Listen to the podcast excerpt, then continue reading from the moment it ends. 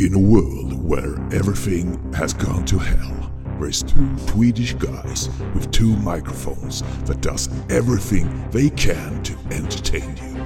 They have decided not to give up on you listeners. They will continue their jobs to sort out the good from the bad in the world of movies. No one can stop them to put out their shows in the air. Now, sit back and enjoy when a brand new episode of TT Film Podcast come to you. Rated R. Då välkomnar jag tillbaka till TT Filmpodcast där ett nytt filmår har kommit. Och nyåret som varit, julen som varit har lämnat oss feta som grisar. Men det nu är vi som hungriga som vargar efter nya filmer som vi ska prata om idag faktiskt. Hela tre stycken filmer. Vad säger du min kära podd? Poddkollega på andra sidan? Jag säger 3 februari. 3 februari, Sytrådskvinnan. Mm. Det står fortfarande 3 februari om man går in på Filmstadens hemsida att Wonder Woman 84 ska ha premiär då. Tror du på det? Jag skulle nog kunna sätta en krona eller två att det inte dyker upp en eh, Wonder Woman den 3 februari. Nej. 2 april då? No time to die. Tror du på det? Eh, där skulle jag sätta då ett x antal tusenlappar, kanske till med 10 000 på att det inte händer. Nej, nej det tisslas och tasslas om att de vill flytta den till hösten. Nu. Jag har läst det också faktiskt. Och det, jag tror att det kommer nog bli så. För jag tror inte ens att eh, biografen öppnar upp förrän tidigast mitten, slutet april kanske till och med maj. Får nog skaffa den där HBO Max via USA i alla fall så här som du pratade för, förra i nyårsprogrammet om faktiskt. Ja, eller också får jag se om den förra Wonder Woman. När, när kommer HBO Max till Sverige? Jag tror det är framåt eh, sommaren, hösten ja, faktiskt. Det är så länge. Då ska ju HBO Nordic fa fasas ut ja. och in kommer HBO Max då. Så det blir ett större sortiment än vad det är nu. Ja, det blir mer film och så då va? Ja, jag tror det. Sen om det blir som eh, i USA att, att de släpps samtidigt som biopremiärerna och på HBO Max samtidigt, alltså Warners filmer. Det tror jag kanske inte riktigt det gör här i Sverige. Jag tror att det här det släpps så på det viset nu är nog extraordinärt och de bara just på grund av eh, Corona vi har. En liten fundering. Mm. Eh, du fick ju ett uppdrag av mig här nu, den här Hjärtedam eller Queen of Hearts eller Drottningen eller vad det nu heter. Ja, precis. Jag fick, jag fick ett lite så kryptiskt sms av dig tidigare idag. Och det, det var en, en så här lite orolig indikation på att börja nästan fundera, undrar om han kommer se klart på det här. Eh, och... Du menar, vad är det för film du har gett mig utmaning egentligen? Ja, verkligen. Eh, jag, jag, tänker så här då, innan du sågar skiten ur det där, så låt mig bara säga att jag försöker ge dig filmer som utmanar dig och ditt filmtittande lite grann. Mm. Men vi kan väl återkomma till det. Vilken jäkla brasklapp du la in där helt plötsligt. En disclaimer. Okej. Okay. Jag blev lite orolig över din reaktion bara. Om vi säger så. Ja, ah, okej. Okay. Jag ska förklara reaktionen lite senare också när vi eh, kommer till det avsnittet. Oh, vilken cliffhanger det blev. Ja, ah, precis. Mitt i avsnittet. Ja. Mm. Ja, men innan, innan, vi går in på de här tre filmerna vi ska prata om, har du någonting annat du vill eh, dryfta? Så här, i... Ja, kommer du ihåg här vi, när vi körde våran julspecial? Då tog jag ju upp lite konstigheter som hände i verkliga livet som skulle kunna vara film. Ja, han som var inlåst av sin morsa i hundra år. Ja, precis. Ja. Jag skulle göra samma sak igen nu. Fast nu är det lite så här tradigt för det här är ju sånt där återkommande under hela fyra års tid mer eller mindre. Men mm. presidentvalet i USA. Ja, ja. Det, det lär ju bli film typ nästa år. Presidenten sitter där liksom och har förlorat valet. Han försöker vinna tillbaka och komma, fortsätta vara president. Han håller ett stort tal till massorna, uppviglar dem. De går bärsärk och gör uppror i hela landet. I alla fall bara i i en stad då mot en byggnad. Men vi kan förstora upp lite grann. Och de slås ner brutalt på polisen här liksom. Och den här valda presidenten då, Fnutt Fnutt, mm. vinner. Och nu är det då en gerillakrig här. Frågan hur gör man en sån här film? Är Donald Trump den goda som försvarar rättvisan och demokratin i det här fallet? Och som är han här som kämpar mot diktaturen och överheten? Eller är han den här despoten som vill sitta kvar och är diktator som gör allting till varje pris för att sitta fram, kvar vid makten? Man kan göra två filmer tänkte jag. Själva händelsen vid Kapitolium, det är ju som en hämtat ur en dålig film egentligen. Ja, men visst finns det den här eh, White House Down, eller vad hette den? Olympus Has Fallen eller Så sånt den kanske också. Ja, jag såg det kanske. Och det är ju exakt samma sak med det. Fast det är terrorister. Här är det egna befolkningen som löper amok och är dumma i huvudet och fotar sig själva in i Kapitolium så att de åker dit efteråt. Så det kan vara en komedi samtidigt också kanske. Det var ju några som dog i samband med det här. Fyra stycken dog och över 50 beskadade. Jag såg det var någon polis som höll på att bli klämda mellan, mellan någon dörr och... Jag såg ju någon när de stod och bankade på fönstren. Så stod poliserna på andra sidan med dragna vapen alla Hollywood-style liksom. Det, det är ju helt sanslöst. Sådär. Och folk hade på sig sån här eh, buntband så de tänkte eventuellt då går det rykten om att de skulle ta eh, folk till gisslan och sådana saker. Och Det är ju helt makabert. Nej, men jag säger det, ibland så är ju verkligheten lika bra som filmen. Alltså lite bra ska jag inte säga, men alltså lika bra material. Så att man kan bara hugga den här direkt och så gör man en, boats av den. Man behöver, kan bara ta arkivbilder för fasen. Det blir ju lika bra som att filma alltihopa själv. Ja men det, det är ju helt sanslöst att den där pajasen har fått sitta där i nästan fyra år. Och nu de här dagarna innan, nej vi kanske ska avsätta honom. Kan de inte kommit på det Ja. lite tidigare? Exakt! Det rätt. Men det finns en anledning till det. Du vet väl varför de vill avsätta honom va? Anledningen till att de gör det här, för det är ju egentligen meningslöst. Han, han ryker ju bara här om några dagar. Men om fyra år så finns det en stor risk att han söker att bli president igen. Ja just det. Har man blivit avsatt med den på det här sättet så kan man inte bli president i USA en gång till. Det var så det var ja. Det Så de vill alltså förhindra honom att komma till makten en gång till. Och det, här, det är därför de driver det här så stenhårt som de gör nu då. För att de vill, mot Olle grind om fyra år.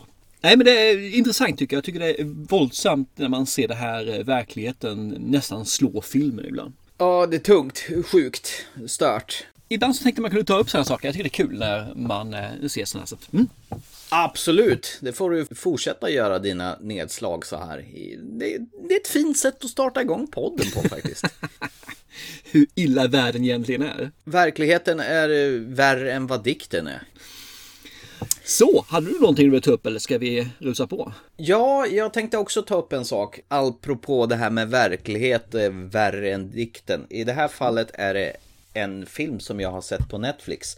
Som är nog kanske den, en riktig snackis. Eh, Jag tänker på den här Pieces of a Woman, du vet med eh, Vanessa Kirby.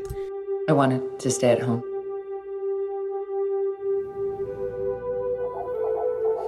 She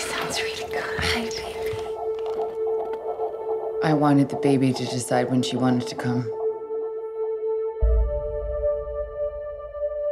My daughter came into this world.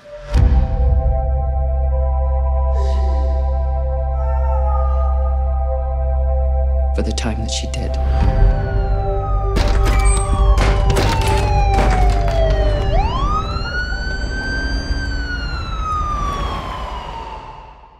And I can't bring her back. Det- här är ju jättemånga som redan har satt det här som årets bästa film. Okej. Om du kollar runt lite grann och jag lyssnar lite poddar och så här och folk är helt betuttade i den här filmen. Eh, Det som är utmärkande med den här filmen, det är ju filmens första halvtimme är ju en scen som löper på i ett enda klipp. Det är ju då alltså Vanessa Kirbys rollfigur Martha som har bestämt sig för att föda hemma. Och hennes kille som spelas av Shia LeBeouf som heter Sean där är ju där och ska hjälpa till henne. Och så har de ju skaffat hem en sån här hembarnmorska som ska assistera där. Och jag fattar inte varför man överhuvudtaget väljer att göra hemförlossningar. Går det snett då är det inte så jävla lätt att få till det här. Nej, precis. Hela den här halvtimmen då skildrar hennes den här förlossningen där i ett enda. Och inga fusktagningar på något vis utan att man liksom låtsas sätta ihop flera klipp utan de har verkligen kört hela scenen på en nästan en halvtimme i sträck. Åh fasen. Är det sant eller är det bara så bra gjort? Nej, det är sant. De har, de, de har tagit det här i en enda tagning. Hon nästan kräks och mår illa. Och, alltså du lider med henne som karaktär som ska föda sitt barn. Och, och sådana som ska till och ha barn snart ska nog inte titta på den här filmen faktiskt. Okej. Av titeln att döma så Pieces of a Woman, det går ju inte så bra. Och det är ju ingen spoiler utan det är ju det som är upprinnelsen med den här filmen. Så att när de här första 30 minuterna, då först kommer titelkortet där, Pieces of a Woman. Och sen får man liksom följa hur det blir ett missfall av större mått där kan man säga. Ja. Och, och skuldbördan eh, blir ju riktad mot eh, den här barnmorskan som Vanessa Kirbys smartas morsa tycker att henne ska vi fan stämma skiten ur för hon är ansvarig. Och sen den här kopplingen mellan henne och eh, hennes man Sean då som bara, som bara blir förstörd tack vare att de förlorar sitt barn. Då. Jag tyckte den första halvtimman var jättestark. Det var, det var så det vred sig i magen. Det var, alltså jag mådde illa när jag såg det. Eh, Det är ju tydligen en eh, Cornelia Mun- Mundrosho som har regisserat den här och det är väl tydligen hämtat ur egna livserfarenheter här. Det är alltså den här stämningen mot eh, den här barnmorskan och det här är ju en dominerande morsa som hatar sin svärson. Men vad är det hon barnmorskan ska ha gjort då för någonting som de anklagar henne för? Eller det kanske är spoiler? Ja. Eller? Nej, det är bara det att hon har misslyckats och barnet dog och hon var där, därför är det hennes ansvar. Jaha, okej. och, jag liksom, och jag fattar inte att eh, hon Martha och eh, Sean bara köper det här att det ska bli en, en rättegång mot barnmorskan. För jag menar, det är ju inte hennes fel. Men man kanske gör så där i USA att man försöker stämma folk så fort man kommer åt. Men sen har vi ju påeldad av Martas morsa som tycker att det här, du måste få upprättelse för det här. Ja. Jag fick sån jävla taskig känsla för den här filmen. Jag såg den här med min sambo och hon höll med om det. Liksom, vad fan vill de med den här filmen? Första halvtimman var helt extremt exceptionellt välgjord. Och alltså det var fan bland det mest magstarkaste jag har sett på film på länge. Men resten, det var ungefär som att göra punka på en fotboll. Bara... Och när filmen var slut då, och det är så här tillrättalagt och man, de skriver den på näsan och det är jättemånga som tycker att det här är årets bästa film. Det här är så fantastiskt så det finns inte. Jo, all eloge till, till Vanessa Kirby för att det här är ju säkert Oscarsmaterial, säkert. Ja. Men jag tyckte inte det här var bra. Nej. Nej, man, man kan se den första halvtimmen och sen kan man må dåligt och så kan man stänga av. Okej. Och den, den är väldigt lågmäld och så här långsam. Att det är väldigt så här långa scener. Du får se när folk bara är ute och går och, och sådana saker. Eh, man brukar normalt sett gilla det, men det är så mycket osympati i den här filmen. Jag känner jättemycket för henne och det är klart hon är bestört över att, ha fått ett barn som, som dör det första hon gör. Eh, men det, det är så mycket andra bitar som jag blir så irriterad på folk, hur folk beter sig. Eh, Shia LaBeouf Alltså, jag tycker bara mindre och mindre om honom. Det var ett så här lyckoträff i den här The Peanut Butter Falcon. Där gillar jag honom, för den var likable. Här är en jävla douchebag med ett fult jävla skägg. Jag hatar Shia LaBeouf. Du är lite bipolär när det gäller vissa skådespelare. Ja, verkligen. Den var som sagt, den berörde mig den första halvtimmen. Sen efteråt när filmen var slut, jag bara, nej. Nej, det, nu kommer säkert jag få massa skit för folk som tycker det här är jättebra, men det är ju det är så. Smaken är väldigt... Alla får tycka vad de vill alltså, det tycker jag. Det, det, så är det bara. Eh, sen så om jag ser om den tycker den är bra så har du dålig smak visserligen, men det, får vi se då ju. Ja. Jag ville bara ventilera med lite Ja. delar av den här kvinnan. Nej. Så att... Eh, Jag känner lite grann för sådana här filmer. Det var som förra årets film. Vad hette den här filmen? Eh, soldaterna som åker tillbaka till Vietnam och ska leta rätt på sin skatt med där. Jaha, den såg jag Nej, aldrig inte jag faktiskt. heller. Jag, jag känner liksom, nej. Jag, jag, jag är inte pepp på den. Och folk säger, åh, årets film, eller det här är jättehypat liksom. Jag vet inte, den var väl, en del tyckte den var jättebra, andra tyckte liksom att, nej. Men det det är samma sak här. Jag känner liksom, nej, jag, jag vart inte hypad på den. Jag har sett trailern på den och har läst lite grann, men jag känner bara, ja, kanske, men antagligen inte. Men så är det. Smaken är som baken. Den är otroligt delad.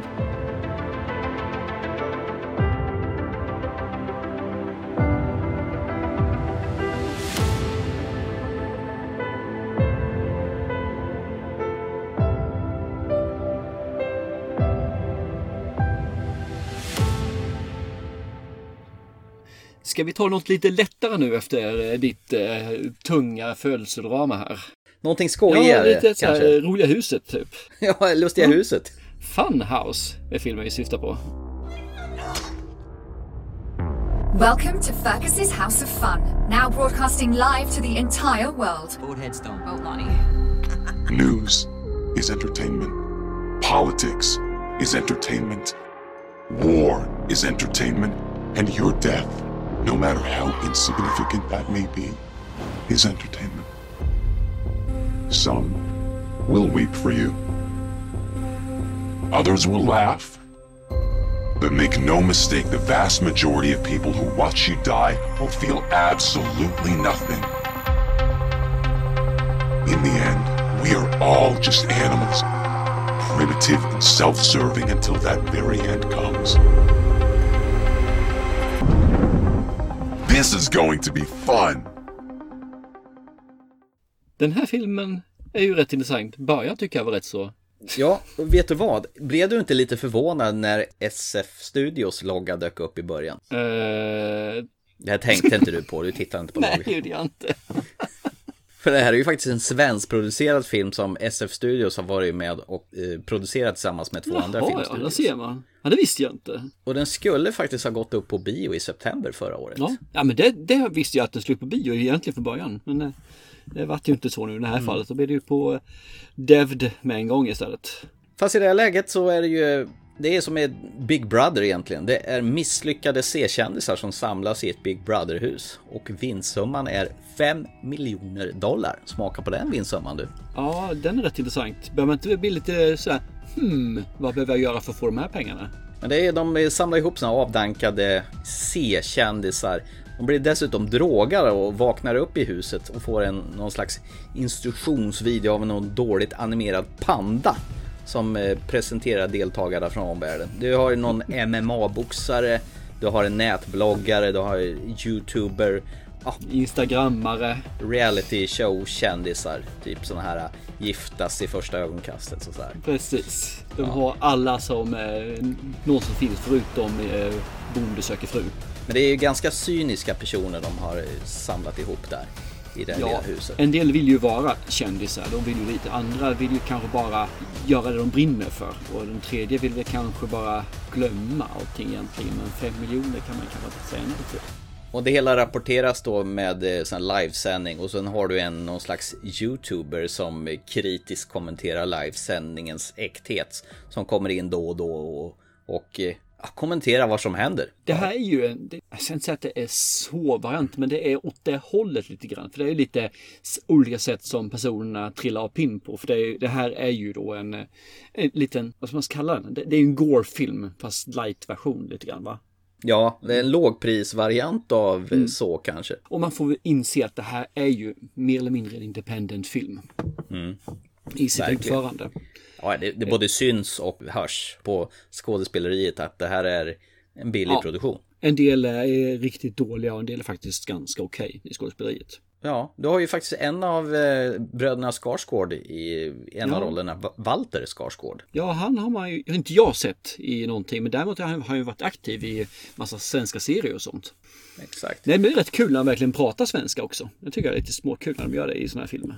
Han spelar väl någon som har stått i, i kören och hamnat bakom en sån här superstor popstjärna. Ja, han träffade henne och de blev ett par. Och sen gjorde de någon sån här såpa-serie av det hela. Där eh, utkomsten blev att de eh, skilde sig. Kasper Nordin. Kasper Nordin ja, exakt. Och sen är det, det är någon stortuttad tjej från, eh, vad är hon ifrån? Ungern eller vad ska hon vara ifrån? Ja, någonstans där är det va? Precis. Ja. Ja. Nej, så konceptet är ju egentligen att varje, var tredje dag så likar folk de här som är i det här huset då ju. Och de som får minst likes försvinner från huset. Och det är ju eh, lugnt. När man, tills man inser att man försvinner från huset innebär att man försvinner från jordelivet också. Och eh, det tar ju sina olika svängar om man säger så bland de här medverkande hur de eh, reagerar. Jag, jag vet inte riktigt om det här är realistiskt eller inte måste jag säga men det, det är rätt underhållande att se deras svängande humör hur de far upp och far ner och tills de inser att jag måste göra the shit för att överleva. Och alla gör det på olika sätt. Ja men precis. Hon den här blonda, hon sliter av sig tröjan för att visa boobsen för att skaffa likes till exempel. Yes. Och sen så har vi den som är mer eller mindre lite mer tystlåten än de andra. Och så har vi då ja, Walter då eller Kasper som är den här som är väl helylle killen och kör väl på det här riset. Och så har vi han, han från Headstone. James Malone som då är väl irländaren och vad gör irländare för någonting? Ja men de dricker sprit. Och slåss. Och slåss, precis. Nej men jag, jag blev faktiskt lite så här, lite småkul. Jag såg den här med min son. Och eh, jag tänkte att det här kan ju vara lite kul att se tillsammans med honom. Jag har ju sett sådana här filmer ganska, ganska mycket.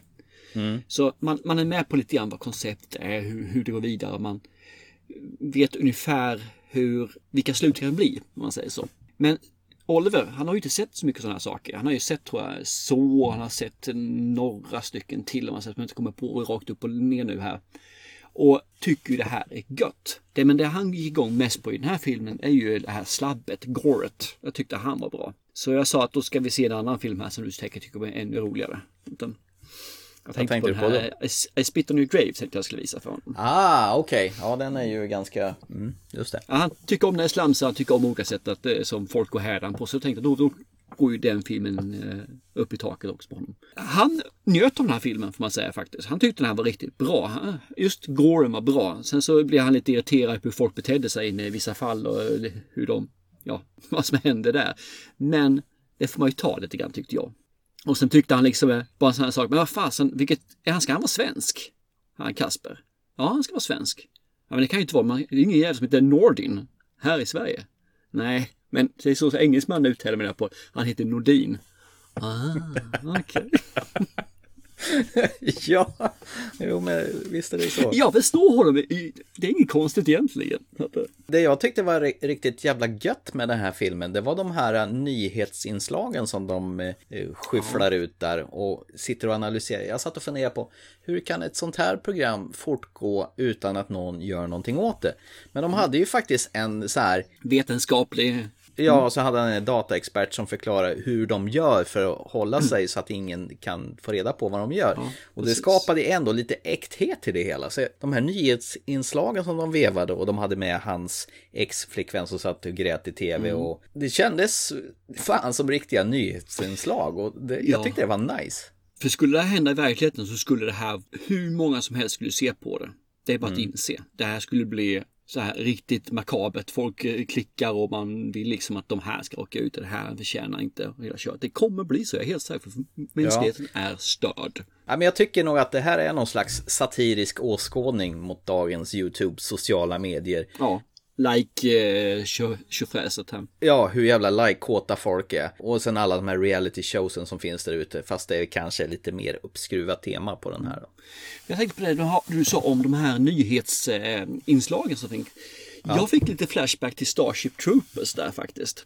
Do you wanna know more? Precis, lite grann sådär. För de var, en del av dem var ganska over the top. Liksom i, eh, som den här nya youtuben som då trashar ner på det liksom här köret. Det är ju, han, han är lite för eh, extrem egentligen. Och därför tänkte jag, ja men det här låter lite grann som Starship Troopers där. Fast ändå så är, finns ju jättemånga sådana här YouTubers som reagerar på folk där de ser. Och håller på så där, gapar och skriker och så här, eller uppskruvade. Så att jag tycker nog att, jag tyckte det var rätt kul. In, han är som den här arga gubben i det där kroppen, du vet, barnprogrammet som man såg när man, var- när man var liten. Den här krullhåriga gubben med glasögon som förklarar hur kro- kroppen fungerar.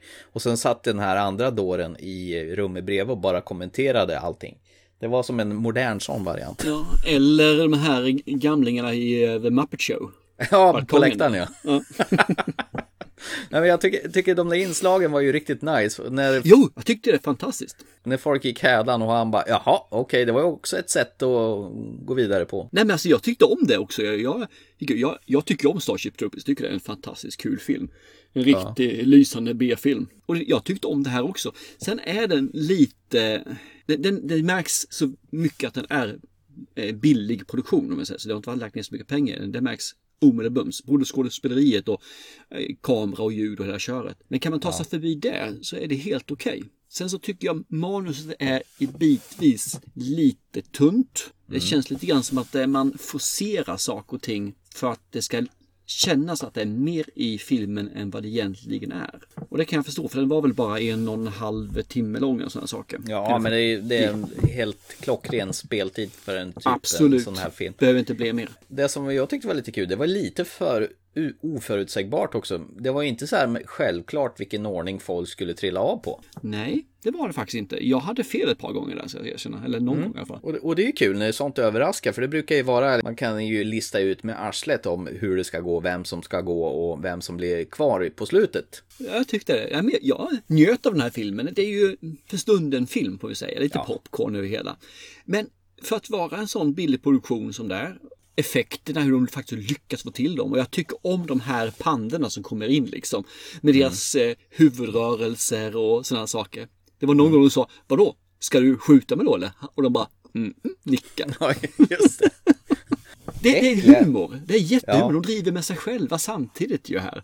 Så Mm. De tar sig inte på blodigt allvar i den här filmen. Och då blev filmen så mycket trevligare att se på. Ja, nej, jag är svag för sådana typer av filmer.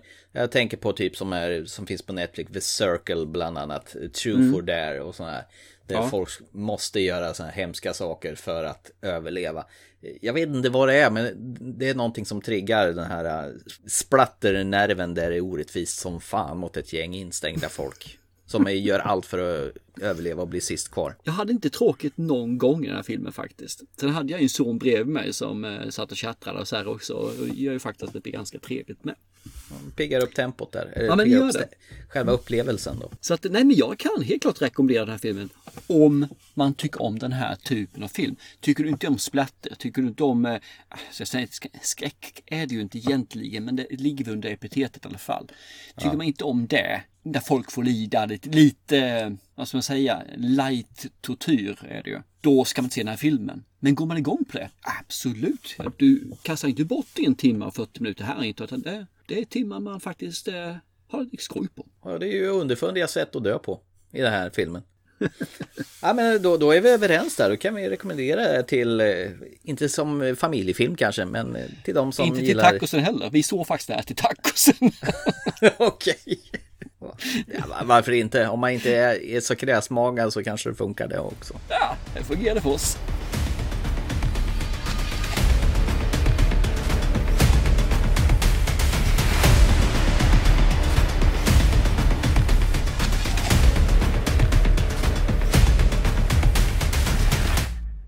Då så, då går vi vidare i eh, programmet och det blir mer svenskar i nästa film. Eh, Dubbelt så många svenskar faktiskt. Ja, precis. Och procentuellt eh, av huvudrollshavarna så är det ju faktiskt eh, två tredjedelar till på köpet. Eh, Då beger vi oss till, eh, ja, är det andra världskriget någonstans i tidsmässigt? Efter andra världskriget, typ en 15 år efter, så är vi på 50-talet någonstans där är vi. Så var det ja. Det var ju sådana typer av bilar och sådana miljöer och i det hela. Ja. Filmen frontas av Noomi Rapace och Joel Kinnaman. Som har en jävla massa hemligheter i filmen The Secrets We Keep.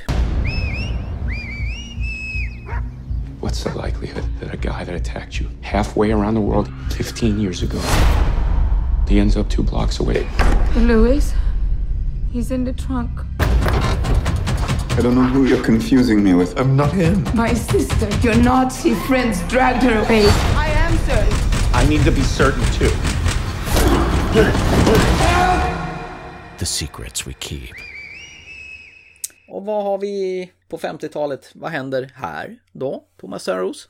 Vi får egentligen möta ett eh, gift par med en son som bor då i amerikansk stad. Eh, de lever väl förortslivet som man brukar göra. Sen så är det ju Naomi Rapapas rollfigur.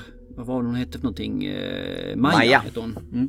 Hon ser ryggtavlan på en person och börjar där rycka efter, rycka till och blir helt ställd. Man märker att här är det någonting som inte står rätt till. Hon är lite så här uppragd i nerverna om man säger så efter det. Sen ser hon den här personen en gång till, fast den här gången i en affär. Och springer då efter liksom och försöker få träff på den här. Samtidigt berättar hon inte någonting för sin man. Och det här är ju någonting som kommer från hennes historia, om man säger så, från andra världskriget. Så det är då en tripp bakåt vad som hände henne under den tiden som nazisterna och var i Rumänien. Och eh, hennes uppväxt, barndom, eh, ja överhuvudtaget upplevelse där då. Ja, hon är ju rätt sugen på att eh, hämnas på den här killen, vilket fall som helst. Ja, vi kan ju säga det. Hon kidnappar honom rent ut sagt. Så hon dungrar ju ner honom med en hammare och lägger in honom i baguschen. I baguschen ja. Och slutar väl med att de... Hon blandar väl in sin man i det här också som sagt var. Och han, den här personen, är en av de här då som har varit... Hon har fragment egentligen vad som har hänt under den perioden där när hennes syster hon flydde från vad heter krigets faser. Och han då var en av de personer som var med, tror hon. Medan han säger att han kommer från Schweiz, han har aldrig varit med i kriget och hennes make vet ju varken in eller ut. Och, och det är väl egentligen hela balansgången med den här filmen som eh, håller tittaren ovisst eh, om det verkligen är rätt person hon har bankat ner med en hammare och släpat hem ner i källaren eller om han är totalt oskyldig. Och det, det är rätt kul för de håller en på sträckbänken väldigt länge och det gör man i den här typen av film. Det är ju inte mer med det. Ja, jag vet inte, vad tycker du om eh, Naomi Rapapas? Rappa, Rapapas, Rapapas? Jo, jag känner att hon får ofta roller som att spela europeisk kvinna. I det här fallet är hon ju rumänsk romer. Mm. Hon är ju zigenare helt enkelt. Ja. Och jag vet inte om det har att göra med hennes eh, knaggliga engelska. Jag, Hon jag har ju en dialekt, hon har ju ett uttal som inte är klassiskt engelska och därför blir hon alltid någon, att det kommer någon annanstans ifrån. Som Ja. i Jack Ryan, då är hon ju tysk. De blandar alltid in, de blandar in, in Sverige på något möjligt konstigt Det vis. kommer också en del, ja, det stämmer. Ja, men det, det är väl just därför att hon inte har en sån här klockren brittisk eller engelsk dialekt. Men det låter, hon låter som en, en svensk som pratar engelska, tycker jag oftast. Jag håller inte med, hon har brytning men jag tycker inte det är en nordisk brytning på det viset. Det verkar som att hon blir castad typ på så vis i alla fall. Ja, det är lite synd. Hade hon haft en bättre engelska så tror jag hon skulle fått mer och bättre roller, alltså större Mm. filmer. För hon får jättebra kritik ifrån alla som jobbar med henne och Mm. hur hon är att jobba ihop med och hennes skådespeleri och alltihop. Hon är grym på det, det verkar som, tycker Mm. folk. Men hon har inte engelskan. Men eh, det, hon får ju roller. Ja, ja, alltså, jo, men det är ju lite, det är mindre roller, mindre filmer. Det är inte de här Mm. stora, stora filmerna och den tror jag hon skulle kunna nått upp till i sådana fall faktiskt. Jag tycker om henne för ibland tycker jag hon har fått väldigt dålig kritik. Mm. Där de eh, klankar på henne och då är det engelskan som är en sak som dyker upp då om man säger så. Det var precis som jag gjorde nu då. Ja, precis. Och jag Ja. tycker att hon faktiskt, de roller hon får passar hon riktigt förbaskat bra i och hon har ett skådespeleri som man tror på. Nu säger inte jag att hon är en av mina topp 10 men hon är en gedigen skådespelare. Vi pratar ju om det här att hålla det här på halster om man, om man ska veta om han är rätt person eller inte. Tycker du att det håller hela vägen eller tycker du att det blir tradigt detta? Nej, jag tycker det håller, men jag tror inte det håller på grund av att man hålls på halster. Jag tror det håller lite grann för jag tycker att de gestaltar en ganska bra familjesituation. Alltså i, i stressen som är där. att Man har ändå en gubbe nere i källaren som man ska få reda på sanningen för. Samtidigt som man ska bolla ett eh, jobb, eh, ett barn, få, det, få den andra verkligheten att fungera. Den delen gör nog att det blir faktiskt bra för man fokuserar inte enbart in på Joel Kinnemans figur här då, eh, Thomas, som han eh, går under. Utan man fokuserar även på runt omkring livet. Och det tycker jag, då tycker att det faktiskt håller. I den här filmen. Ja. Du verkar vara en annan åsikt där. Ja, nej men alltså jag gillar slitningarna mellan Maja och hennes man. Fast han... Louis. går Ja, Louis ja. Jag tycker Chris Messina heter han, den Mm. skådisen. Han är ju läkare och han vill ju allas väl. Eh, Så att det blir ju en slags intressesituation här. Maja misshandlar ju Thomas nere i källaren ganska hårt. Medan mannen, han är ju så här, så här får man inte göra. Man måste ju ta hand om, om man slår någon, då måste man ju ta hand om skadorna. Precis. Eh, ja. Och sen ska hon försöka liksom mörka för grannskapet också att eh, det finns någon där hemma. Ja, för det så- händer ju en del saker som sagt då hela Ja. tiden. Nej men eh, jo, missförstå mig rätt. Jag tycker nog att det här var hyfsat bra. Men det Mm. kändes som att, jag vet inte om det kändes som det räckte för en långfilm. Det hade kunnat funka till ett sån här Black Mirror-avsnitt eller någon sån här serie som eh, ja, har en historia och sen en antologiserie till exempel. Och så går man vidare till eh, nästa avsnitt där det är någonting annat. Det kändes som de, det drogs ut på det. Jag tyckte inte det fanns material för att hålla på i en, en timme och 40 minuter. Jag vet inte, jag eh, hade nog inte så jättemycket ont av det egentligen. Däremot kände jag att, ta det, vi kan ta den sen lite grann, men det, ta det här positiva först. Det är att man gör ett annat grepp för hon anklagar honom för att ha varit med i nazist, bland nazisterna, en SS-officer och liknande. Man vänder lite in och ut på hur man brukar göra de här nazistfilmerna. Efterkrigsfilmer mot nazister genom att man, man skruvar till det lite grann. Och det tycker jag är väldigt uppfriskande. Det är inte ofta man gör på det här viset. Och då tycker jag att det ska ha en eloge. Sen så går man till nästa del. Den här typen av film. Som är en eh, kidnappa, eh, hämna loss-rull-aktigt. Hon hämnar loss, hämnar loss. Men du förstår vad jag menar. Hon ska ju, hon vill ju ha svar. Hon vill liksom att den här personen ska betala på något sätt. Den, den kan bara sluta egentligen på, ja, en fläktreparatörs ena hand, en dålig fläktreparatörs ena hand liksom. och, och det innebär ju att man listar ju ganska snabbt ut jag menar, för det första, det uppenbara. Antingen är han ju personen eller är det inte. Ja, men det är ju krona eller klave. Ja, precis. Det är krona eller klave som sagt var. Är han det så antingen så eh, kommer det här hända eller inte. Är han inte det så kommer det här hända eller inte. Och sen så är man då uppe i, i svar på eh, hur filmen ska sluta. Men då kommer vi ytterligare en grej här. Och det är ju det här. Slutet är ganska oväsentligt, som en viss eh, Thomas brukar säga. Utan det är vägen dit. Ja. Och jag sätter inte upp den här på någon pedestal, den här filmen. Den är medelmåttig tycker jag faktiskt. Jag tycker den var värd tiden. Jag tycker inte man ska göra den här till en kortfilm faktiskt. Jag tycker den här hade så pass mycket. Man, eh, man byggde ut karaktärerna, man byggde ut deras känsloregister, man byggde ut eh, storyn runt omkring också. Så jag tycker helt klart att ska man ta det biljetten så kanske en tio minuter man kan plocka bort. Eh, men då hade nog filmen blivit lite väl hackigare. Men den, den, är, den gör sitt jobb tycker jag den här filmen och jag hade ganska trevligt när jag såg den faktiskt. Här också? Ja, faktiskt. Jag, jag skulle, om jag säger så, jag hade nog trevligare när jag såg Funhouse, men det är lite grann för då såg jag med sonen och den är lite mer roligare filmen den här är. Den här är lite mer mörkare i den här filmen. Mm. Men jag, det var inte så att jag satt och tittade på klockan för att jag har den slut snart eller oh, fan, hur mycket är det kvar på den här egentligen? Utan, den, den gick och jag kände liksom att jag var involverad i filmen. Och då kan det inte vara en kassfilm, då är det en helt okej film. Tyckte du Joel Kinnaman eh, skötte sig bra då? Tyckte jag gjorde jättebra ifrån sig faktiskt. Det var en sek eh, sekvens när hon eh, tvingar honom att säga ett fult ord på tyska. Ja, eh, precis. Ja, det tyckte jag var bra. Mm. Ja, det, det tyckte jag var bra. Det gick jag igång på.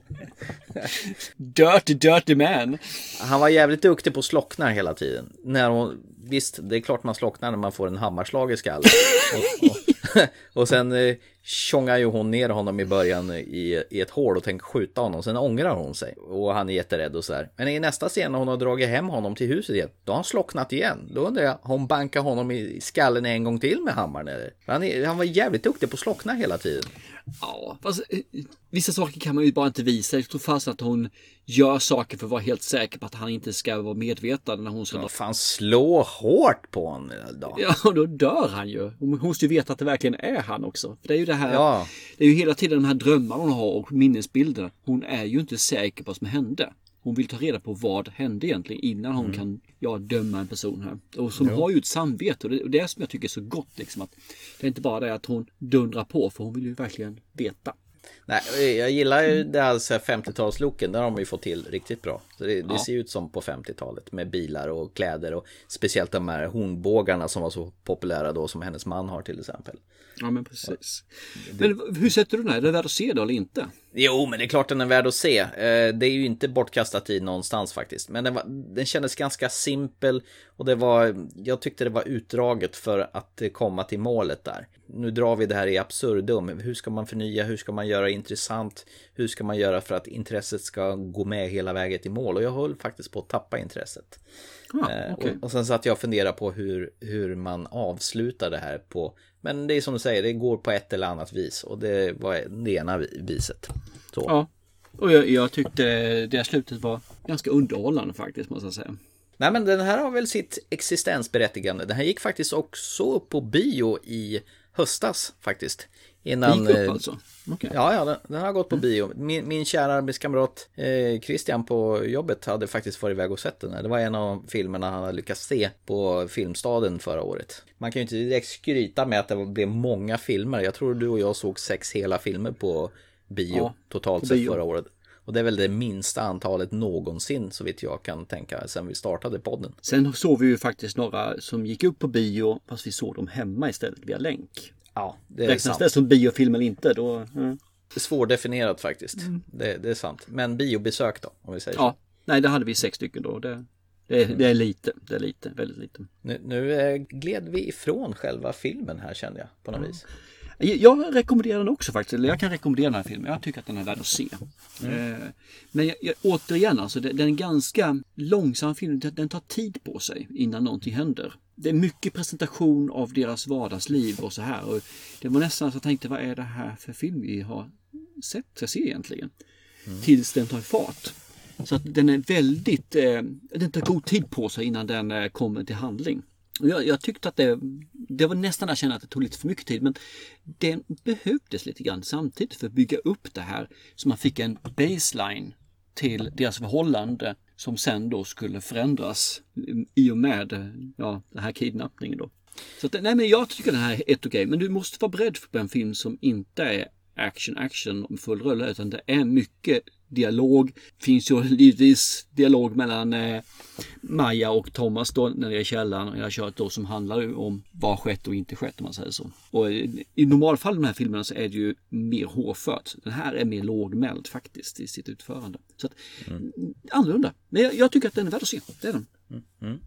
Skulle han ha på soundtrack. Då går jag ner i min källare. ja, precis. Vi ska också säga att båda de här filmerna är Blu-ray och DVD-aktuella och precis släppta. Och det finns väl säkert på eh, streamingkanaler att hyra också. Typ SF Anytime och eh, iTunes och alla de andra ställena.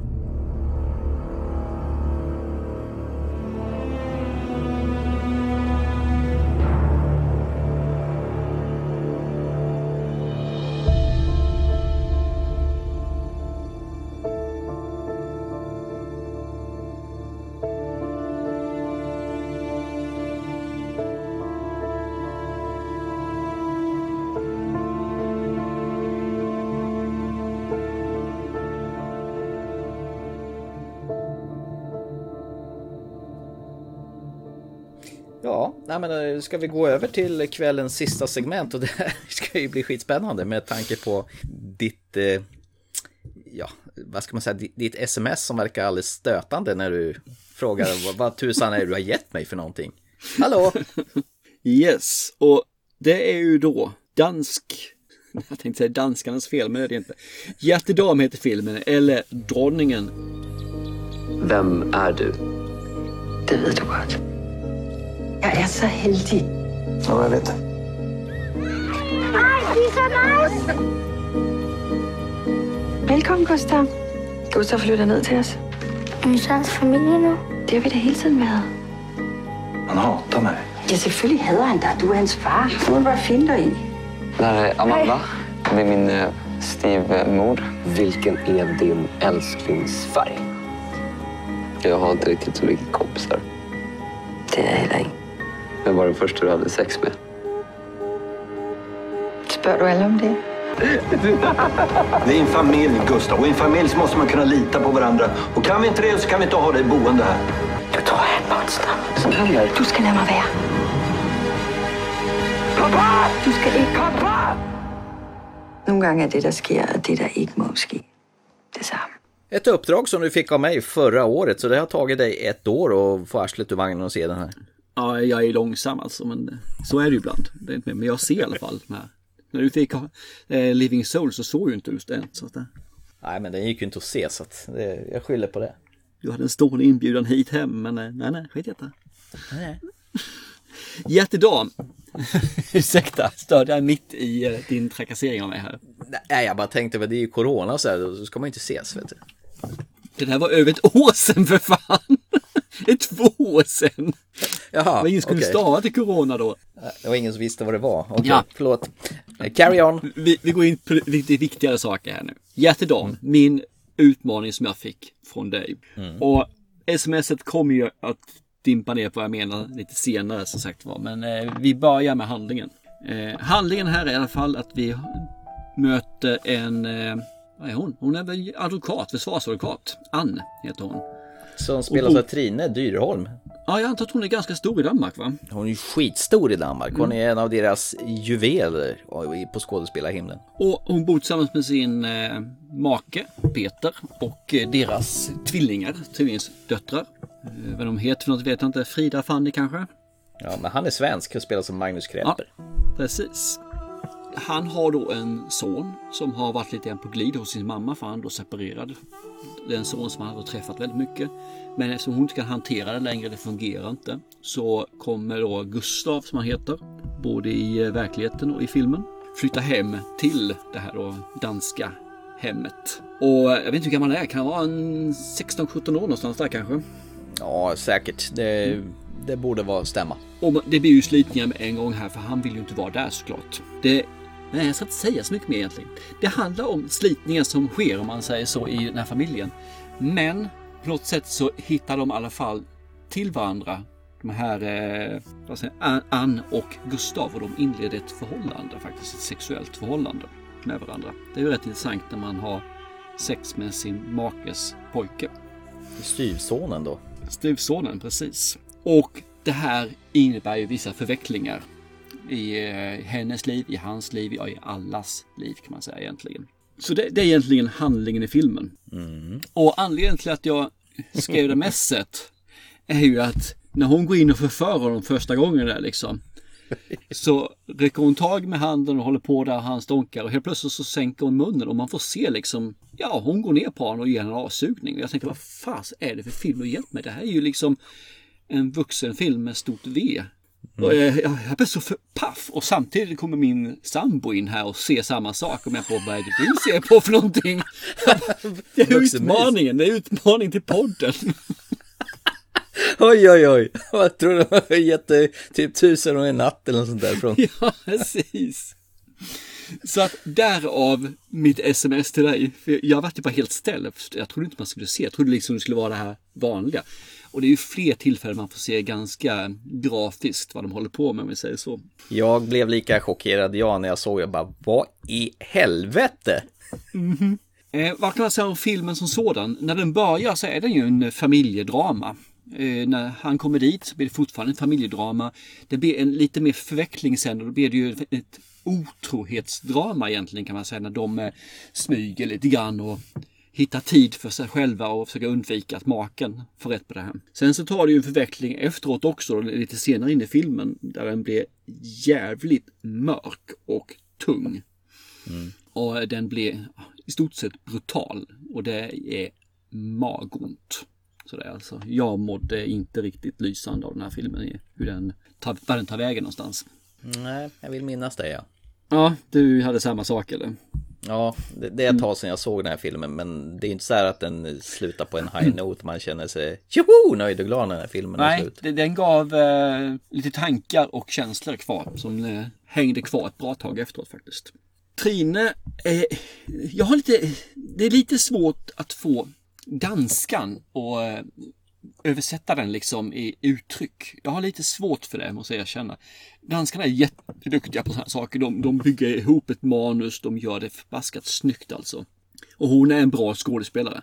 Peter däremot, maken, är ett svagare kort. Han är ju svensk ju. Ja, men han är ett svagare kort. Han är inte dålig i det här fallet, men det blir lite platt. Då tycker jag faktiskt att Gustav, eller Gustav Lind då, som han heter i verkligheten, den unga killen, hans son då, gör ett bättre rollprestation. Framförallt senare i filmen så verkar det som att han kanske har blivit lite varm i kläderna. Så kommer han igång på ett helt annat sätt. Alltså i början så är han ju bara en trulig tonåring. Men jag tycker de två är faktiskt riktigt bra skådespelare. Men filmen är jag vet inte. Jag, jag har lite svårt att förstå Ann i det här fallet varför hon inleder ett förhållande med Gustav. Jag kan inte riktigt få ihop det pusslet alltså. Vad är det som gör att hon gör det och vad är det som blir stegen? För det förklarar inte filmen tycker jag så jättenoga. Kändes inte hon så här väldigt avvisad av eh, hennes man hela tiden? Han skulle vilja gå och jobba och inte hade tid med henne. Någonting sånt. Ja, fast samtidigt så verkar det som de hade det ganska bra tycker jag. Så sett. Eh, hon var inte på samma not ibland liksom. Men varför då ta en 16 år? Varför letar hon inte rätt på en på jobbet istället om hon är på det här viset? Ja. Hon håller ju på liksom med brottsoffer. Det är, ju, det är ju det hon håller på med. Hon håller på med många som har det trasket hemma. En som blivit våldtagen som man får följa med också i hennes jobb lite grann och få reda på vad som har hänt. Och nu så förgriper hon sig faktiskt på en minderårig, inte minderårig så men, ja men minderårig är hon ju. Är han, ju. han är ju 16-17. Han är inte 18 mm. i alla fall. Jag får inte riktigt ihop det varför hon gör det där. Eh, bortser man från det så är ju det ett stabilt hantverk. Och det är en, en film som som fångar en. Dock är två timmar alldeles för lång tid för den här filmen. De vill ha med för mycket och då blir den två timmar. Jag tror man hade kunnat banta ner den här åtminstone en 20 minuter. Eller två timmar, sju minuter. Om man tar ner den 20 minuter så hade det blivit mycket rappare och så här. Och det här tror jag hade fått eh, min intresse i filmen. För jag kände hur jag dippade i eh, vissa segment. Eh, framförallt i mitt mitten där någonstans, i början mitten. Så dippade den och jag kände att jag tappade intresse, jag tappade lite fart. Jag kom på mig själv liksom att scrolla på den här knappen och se hur långt jag kommit i filmen. Oj då, just det. Ja, men precis. Men med det sagt så är ju filmen fortfarande bra. Alltså den är... Den, det är ett bra hantverk, det är en bra film, den är väldigt tung. Så vill man ha en film som hanterar sådana här saker, lite familjedrama, otrohetsdrama, eh, förbjudna zoner om man säger så, och verkligen ett mörker. Då kan den här filmen vara riktigt förbaskat nice att ha. Vill man inte ha det i en film, då ska man sky den här som pesten. För den här filmen är väldigt smal i vad man, vad man får och vad man behöver när man ser den här filmen. Så att eh, den, är, den är svåranalyserad om den är tillräckligt bra för att den ska kunna vara rekommenderad eller inte.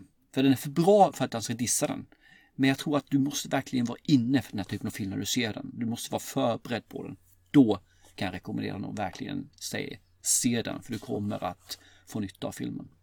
Ja, men eh, förberedd på lite snuskiga scener, det var du inte. Det var jag inte. Det ska jag lugnt säga. Inte. Jag, hade, jag hade lite där i bakhuvudet, nu jävlar ska han få tänkte Tack. Du menar att jag får inget annat eller? Nej, ja, jo, det, det, var inte så jag menade. Jag bara du skulle bli lite chockerad för det blev jag. Ja, men det blev jag. Det blev jag. Ja. Det får man lugnt säga.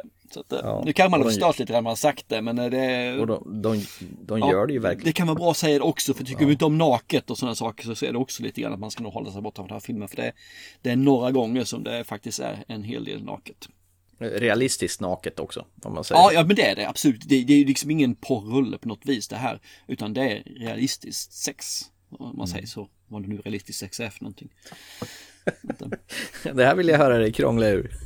Ja, precis. Ja, men alltså det, det är liksom ingenting. Nu ska vi upp mot eh, väggen och stå på ett ben samtidigt som eh, huset roterar. Där Nej. har jag krånglat på det. Okej. Okay. Det, det, är ju inte Cameron Diaz som agerar vindrutetorkare i eh, The Counselor direkt. typ, där har du en jämlik jämförelse. Ja, men som jag sa tidigare, alltså, det är ju kul att ge filmer som skakar om en lite grann, utmanar en lite grann. Alltså inte sånt där som vi normalt brukar titta på. Och i och med att du gillar mm. den här kött och blod, då tänkte jag, varför inte? Det här kan ju vara någonting som eh, kan appellera dig. Eh, danskarna ja. är jävligt bra på att sätta starka känslor har jag insett. Ja men det är de. Det är Så de, även absolut. den här. Det är ju som du sa magont på hög nivå. Jag bara tänkte så här, innan vi börjar wrappa ihop så vill jag bara meddela att eh, vi har ju snackat lite grann på via Messenger om den här HBO-aktuella serien The Flight Attendant. Mm. Eh, och, och, nu har vi faktiskt sett klart den, alla de åtta avsnitten. Och du borde ju nog appelleras av den här, för det är Kaylee Coco som spelar huvudrollen som Cassie Bowden. Det är ju hon från eh, eh Big Bang Theory. Jajamän, den ligger på min att titta på lista. Så den, mm. den ska ses. Ladies and gentlemen, thank you so much for flying with us. Can't you see? I met Alex on the plane. Hi. Hey. We had dinner in Bangkok. We went back to his hotel. When I woke up in the morning, he was so alive. You think they know you're lying? Why'd you clean it up? I. I don't know. Okay, uh. Just can't stop thinking how that guy in 3C died. The flight attendant. She knows more than she's saying. The FBI wanted information about you. I'm gonna keep digging. Do not do anything stupid. Faktiskt riktigt eh, underhållande på ett väldigt speedat sätt. Det enda mm. jag inte gillar med den, det är alltså introsekvensen som de har genuint har plankat från Steven Spielberg, Peter Jacksons eh, eh datanimerade Tintin, den här enhörningens hemlighet. Tintin.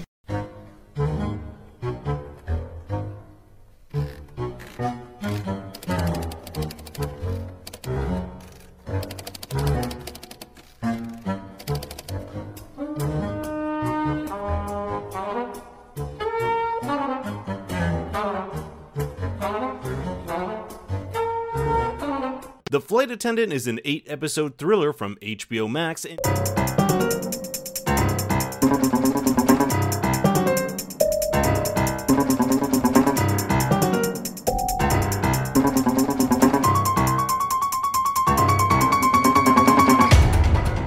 För den börjar på ett speciellt sätt där man får se såna här silhuetter där Tintin springer och en väldigt så här stressig pianomusik.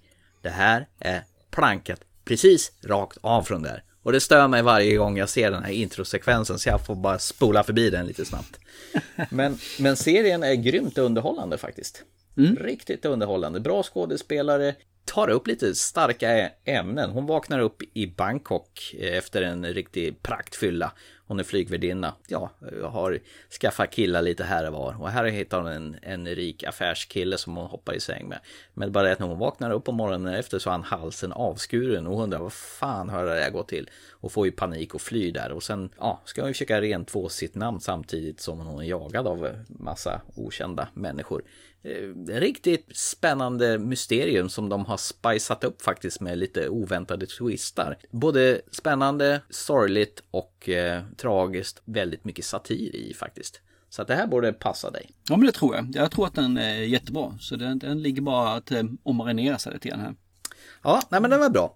Eh, nästa program eh, blir nog inget vanligt program utan vi brukar ju som eh, traditionen nästan bjuder börja med ett specialprogram av eh, någonting. Vi dyker ner i en eh, serie, filmgenre eller eh, personer eller någonting.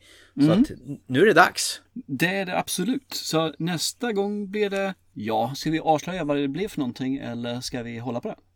Vad tycker du? Ja, ja. Någonstans? Säg något more. Säg. Does you like to take a picture? Säg någonstans. Exakt. Vi kan säga att det här är ett önskemål från en av våra lyssnare sedan eh, länge och vi har fått upprepade Jag skulle vilja att Du gav en ledtråd där så jag tror att de flesta förstår den. Så det blir ingen filmer från förr, det blir ingen utmaning utan det presenterar vi i nästa avsnitt vad det blir där. Ja, å andra sidan blir massor med filmer från förr, kanske. Ja, jo precis, det, det lär det ju bli. Någonstans, you know what I mean? Aj, aj, aj. Åh, fy fan vad dåligt. Så, ska vi stänga igen butiken för kvällen innan du håller på att garva läppen av det här? Ja, det kan vi göra absolut. Ni hör oss som vanligt på, eh, vad heter det, iTunes. Det är, ni hör oss på Acast. Vårat senaste plattform som ju nu har funnits i nästan ett år, eh, Spotify, finns vi även på. Och Google Podcast och Apple Podcast. Ja, alla de där ställena ni vet. Kontakta oss gärna på eh, sociala medier och vill ni skicka ett mail till oss så gör ni det lämpligast på ttfilmpodcast.gmail.com.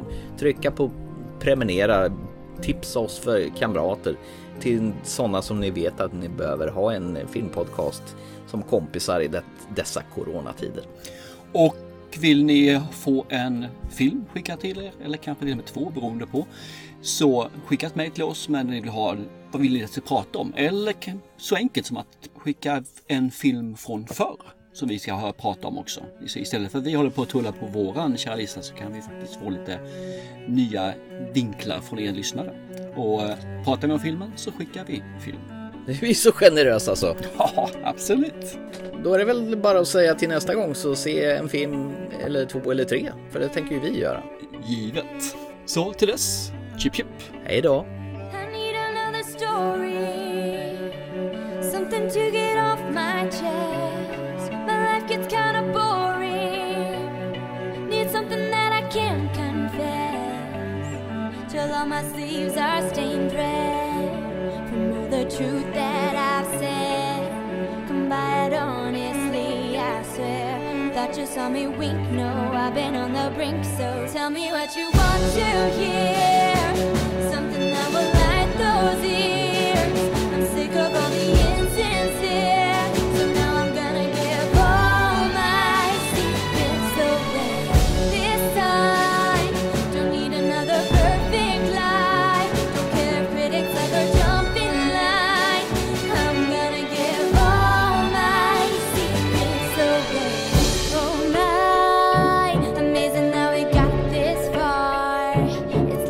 rising up.